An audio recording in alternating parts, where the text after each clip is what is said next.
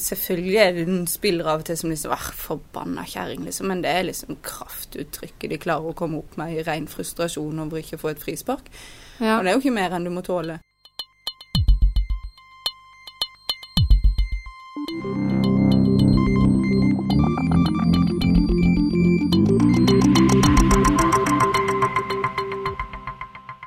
Du er så dårlig, din dommer. You are so bad. Dette er uttalelser som har fått etterspill i 2016-sesongen. Kreativiteten er stor, og ordbruken kan være mangfoldig på fotballbanen, og i midten av det hele står fotballdommeren. I denne podkasten skal vi snakke om hva som får barn og voksne til frivillig å utsette seg for tyn fra spillere, trenere, støtteapparat og publikum i en av aller verdens største idretter. Men vi skal selvfølgelig snakke om mestring og om glede. Jeg har med meg Bjørn Tore Johansen. Du er førsteamanuensis på UiA. Og du har eh, forsket på idrettspsykologi og prestasjonspsykologi. Og så har vi med oss Anne Katrine Thomsen, som fotballmiljøet i Agder kjenner som Tini. Dere er begge fotballdommere. Dere dømmer tredjedivisjon herrer og eh, toppserien, og har lang erfaring, 20 år og 16 år, som fotballdommere. Men eh, Johansen, har du noen opplevelser som er negative i din rolle som dommer? Det verste som har skjedd for meg, det er at uh, Erik Myggen Mykland viste meg fingeren og ble utvist pga. det. For eksempel. men, uh, å bli vist finger til, hvor ille er det? Men det, man gjør det jo ikke, da. Men, uh, Selvfølgelig er det en spiller av og til som liksom ah, forbanna kjerring, liksom. Men det er liksom kraftuttrykket de klarer å komme opp med i ren frustrasjon over ikke å få et frispark. Ja. Og det er jo ikke mer enn du må tåle. Nei, det er det ikke, Eh, men det er jo samtidig mer enn man har i andre jobber. Ja. jeg får ikke Altså, den på jobb, for å si det sånn. Men jeg har ingen sånn der eh, nei, ikke heller. Jeg er veldig enig med Tine i at det er, det, er, det er lite av den type språkbruk du refererte til i innledningen her. og det finnes unntak der òg, uten å, å gå noe nærmere inn på det. Men, men, men, så jeg skjønner det. Og vi har, mange, vi har mange saker her i Norge. Så husker vi toppdommeren vår, to, Tom Henning Øvrebø, som, som eh, ble eh, som gjorde en veldig dårlig kamp i Champions League, som betyr mye for veldig mange, og det fikk eh, voldsomme konsekvenser.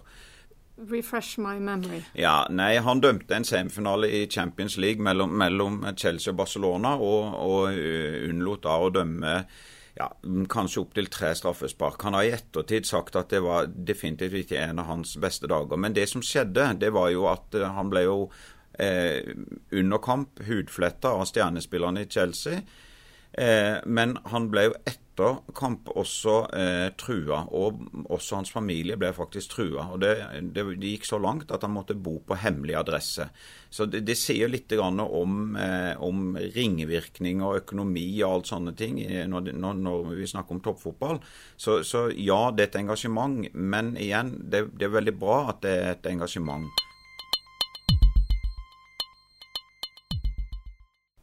En dommer blir utsatt for press. Eh, selvfølgelig er det ulikt nivå. Det er press fra spillerne, som er i, i en umiddelbar nærhet, men det er press fra trenere, innbyttere. Ungdomsfotballen kan kanskje være foreldre, det kan være publikum. Det, det, det, det er mye eh, som kan øke eh, stresset hos en dommer. Det vi ser da, det er at eh, selv om Eh, noen scorer høyt på, på en eh, stresstest før en kamp, så klarer likevel de å fungere som dommere. Og Det er spesielt interessant at toppdommerne, altså de som dømmer i øverste divisjon i, i Norge, i, i Eliteserien eller Tippeligaen, det er også de som rapporterer mest stress. Men de har sannsynligvis lært seg å takle det høye stresset. Mm. Og klarer likevel å gjøre en god jobb. For hadde de ikke gjort det, så hadde de jo blitt degradert, da, for å si det sånn. Da hadde de ikke overlevd. Så, så, det er interessant, for vi vet jo at stress påvirker våre, våre, våre avgjørelser. Fordi er vi mer stressa, så får vi ikke med oss alt. Da blir, vi, da blir vår, vår, evne til å få med oss ting, altså persepsjonen, den blir, den blir smalere, for å si det sånn. Den blir nedsatt da. Så det er en interessant eh, problematikk, men mange dommere eh, rapporterer at eh, aggressive spillere, aggressive trenere, det påvirker ikke deres deres eh, avgjørelser. Og det har jo en, også en del av toppdommerne i Norge bekrefta de funnene, funnene, og sier at nei, de gjør faktisk ikke det. Men eh, dette kan jo Tini kanskje litt om som tidligere toppdommer. I de kampene man har veldig mye, og det blir veldig mye, så tror jeg nok at eh, det er lett å blåse et frispark eh, for å roe det, selv om man kanskje ikke hadde gjort det for ti minutter siden samme situasjon. Ja, altså jeg, jeg, vil jo gjerne presisere at det, når, når, når, dommere rapporterer at det ikke blir det, så er jo det om de er bevisst ja, for det er sin påvirket. egen opplevelse ja, det er det, selvfølgelig. Fordi at det fins jo, jo, objektive studier som viser at ja, det fins en, en, hjemmebanefordel med publikums påvirkning av dommer. Det fins studier som viser eh, hvor nært publikum sitter, eh, virker inn på dommers avgjørelser, hvilke farger eh, det er på draktene. Eh, faktisk. Altså, altså, lag som har rød drakt kontra en mørk fage, mørkeblå eller sort, får mer straff enn andre lag. Altså, dette er sånn eh, forskning som eh, eh, Hvis du eh, vil lete etter noe, og du vil finne det, så, så finner du det. Men jeg har gjort andre studier som viser at dommeren blir påvirka, som er egentlig ganske oppsiktsvekkende. For dette er nokså nok så eh, nøytralt. Vi har, vi har spilt av en rekke situasjoner hvor straffespark, rødt kort er involvert, altså med reelle kamper. Og så har vi bedt dommerkollegaer, vi snakker om toppdommere i Norge nå, vurdere disse situasjonene. Om eh, de syns eh, det var riktig med rødt kort, straffespark, gult kort eventuelt osv. Det disse dommerne ikke visste, det var at situasjonen var satt sammen med lag av høy status, altså i Norge Rosenborg og Molde den gangen, mot lag lavere. Og Da viste det seg konsekvent at de ville ha gitt mer straffespark med påfølgende rødt kort til lag av høy status. Så kan man si ja, forklar det, da. Ja, det kan man forklare med f.eks. For eh, det vi kaller sosial impact-teori. Det spiller ingen rolle hva det er, men det er hvis betydningsfulle mennesker er nærme deg, så har det en påvirkning. Vi som dommere sier jo at vi er upartiske, og vi, vi eh, forbereder oss på å være upartiske, men at vi blir påvirka, det gjør vi. Kan du huske å ha vært stresset i en kampsituasjon? Ja, mange ganger. Ja, Hvordan uh, kjennes det ut? Eh, det kjennes ikke særlig bra ut, for det eh, da har man ikke helt kontroll. Og så må man tenke gjennom ting flere, flere ganger før man får eh, kanskje får gjort den riktige avgjørelsen, selv om man kanskje i ettertid kjenner på at eh, det var ikke helt riktig allikevel. Men det er klart, når det koker så, eh, og ikke man får tenkt, det er også da de største feilene kommer. Hva er typisk en sånn situasjon da, som er vanskelig å håndtere som dommer? Eh, veldig ofte så blir det dømt eh, frispark, og så glemmer man kanskje det gule kortet. Eller så gir man det gule kortet, og så tenker man etterpå, eh, og over lengre tid kanskje etterpå, så at dette burde vært rødt kort. Hvis jeg har gjort en feil, som Tine var inne på, for vi skjønner når vi har gjort en feil Hvis jeg blir mye stressa da, da kompenserer den feilen. Det skal jeg egentlig ikke gjøre. Da har jeg gjort en ny feil. Hva slags tilfeller liker du aller dårligst å se på en fotballbane? Når det er veldig mange spillere samla på ett sted. Eh, når vi er i straffefeltet, så er det ofte Ja, det er fort 16-18 spillere med oss inni der, og det er tett, og det er alle skriker, og alle skal ha noe, og ja, og hvis du da blåser den Spesielt hvis du blåser straffespark da, så blir det fort rimelig hett rundt ørene. Og da Ja, det er ikke, det er ikke de gøyeste Det er ikke den gøyeste plassen å være. Eller hvis de slåss. Å stå midt oppi det, det er heller ikke spesielt, eh, spesielt gøy når de hopper på hverandre. Blir litt stressa nå. Pleier man å gjøre da? Nei, jeg, jeg trekker meg stille og rolig tilbake, og så venter jeg til de er ferdig. Ja. Og så får vi ta de som, eh, de som fortjener det. Altså de der som starter det, og de som, de som er med på å å heve stemninga rundt det. Så man går ikke inn og bryter de av og sier 'hør her, Per og Pål, nå må dere slutte'? Det hadde tatt seg ut, eh, spesielt for meg. Kanskje de største mannlige dommerne våre kunne gjort det, men det hadde ikke vært så mye for meg, tror jeg. Jeg tror ikke jeg har så mye å stille opp med midt inni der. Hva er det som motiverer en fotballdommer? Ja, så eh, jeg, har, jeg, har, jo i noen studier, bl.a. både på toppdommere og på breddedommere, spurt rett og slett eh, hvorfor er de dommere. Altså Nevn eh, de viktigste grunnene til hvorfor de er fotballdommer og driver med fotballdømming. Og Da kan du dele det inn i, eh, i tre kategorier. De, de, gjør det, eh, de gjør det fordi det er moro. Eh, og spesielt toppdommerne, som jeg syns er veldig interessant, de understreker betydningen av det å ha det gøy. Eh, altså et lidenskapelig motiv, en lidenskapelig motivasjon. De eh, oppgir at eh, det er sosialt. Eh, det å være en del av fotballfamilien, selv om du f.eks. har slutta å spille fotball, eh, så har du mulighet til å være det som dommer. Og det siste motivet eller, eller motivasjonen, ja, det er det at de ønsker å holde seg i form. De ønsker å, å ha, se godt ut og være i god form. Og sånn som fotballen har utvikla seg i dag, så får du ikke lov å være dommer hvis ikke du er i god fysisk form. For, for det er nødvendig. Penger er ikke en motivasjon som eh, går igjen som viktig? Jeg tror ikke de beste dommerne våre dømmer fordi at de får betalt etter kampen. Jeg tror ikke det er det som driver de. Eh, det er i hvert fall ikke det som driver Nei, med. Eh, det... Ikke snakk om. Dette stemmer helt overens med det, det vi har funnet. Det, I breddefotballen var det noen ytterst få som nevnte økonomi, penger, som, som et motiv. I toppdommerstudien var det ett av eh, over 400 utsagn. Eh, å lede disse kampene, det gir meg godt selvbilde og god selvfølelse. Um, ja. Jeg jeg kjenner sjøl at jeg blir eh, Av å dømme fotball, så blir jeg Jeg finner kjapt løsninger i hverdagen også. Det er veldig, veldig kjapt til å finne Være løsningsorientert i hverdagen eh, eh, etter hvert som man liksom har drevet på med det her en stund. At du rett og slett syns du blir skarpere og kjappere? Ja. Hvor mange beslutninger eller avgjørelser tar egentlig en dommer i løpet av en kamp på 90 minutter? Ja, Det har vi jo litt forskning på som viser. og Da eh, er det litt forskjellige tall. Men, men eh, det man eh, er enige om, er at ca. 200 avgjørelser, og da snakker vi altså om synlige avgjørelser Det mange skjulte vurderinger inni her. Men ca. 200 avgjørelser tar du i løpet av 90 minutter, da.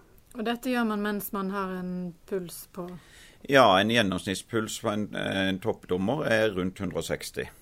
Og mange mener jo at det å være fotballdommer er noe av den beste ledertreningen du, du, kan ha.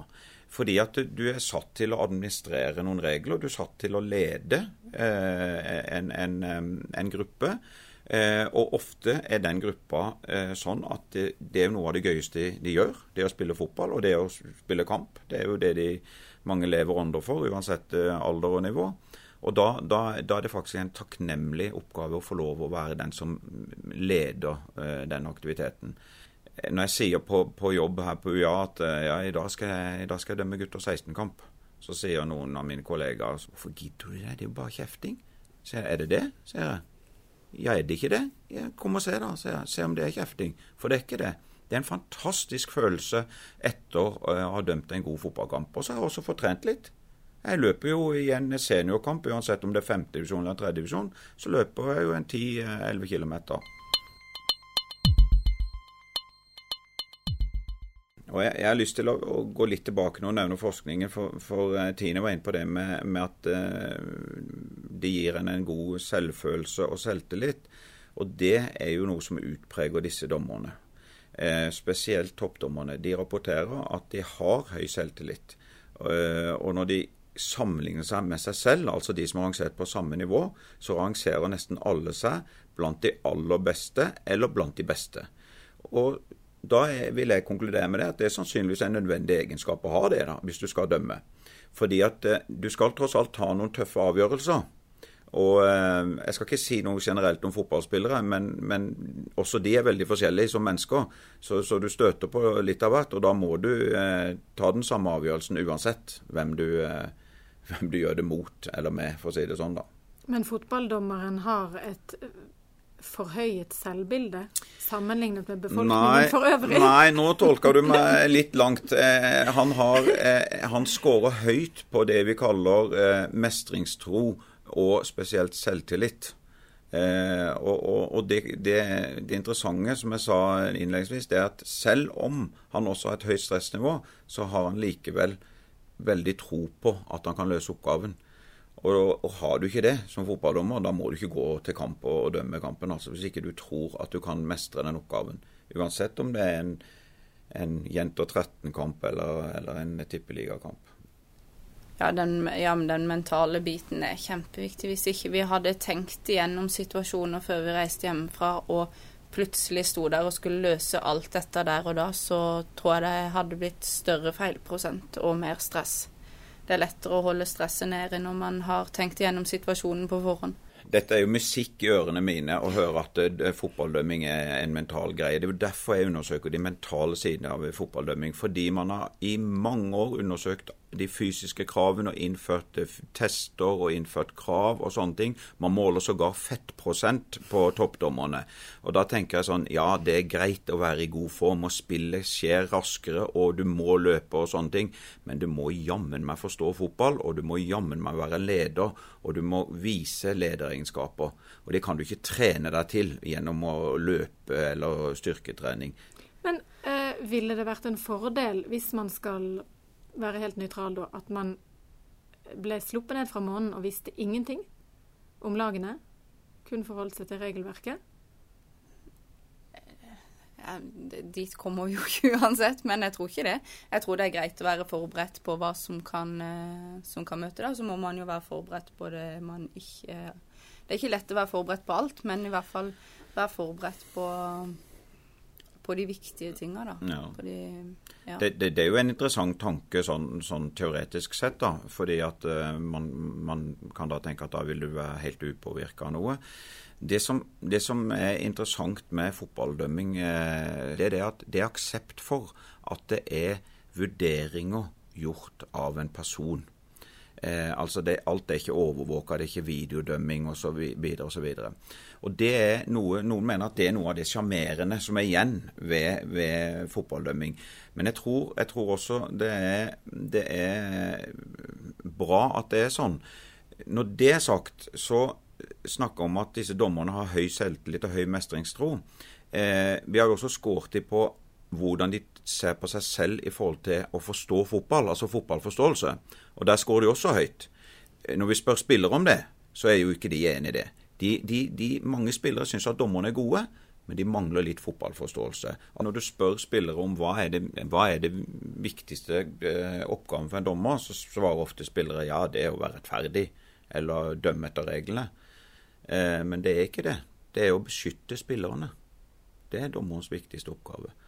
Og det hadde spillere vært mer bevisst på det, så hadde de skjønt at jo, vi dømmer frispark da, eller vi gir et gult kort, som Tine var inne på, da ved en sånn type takling.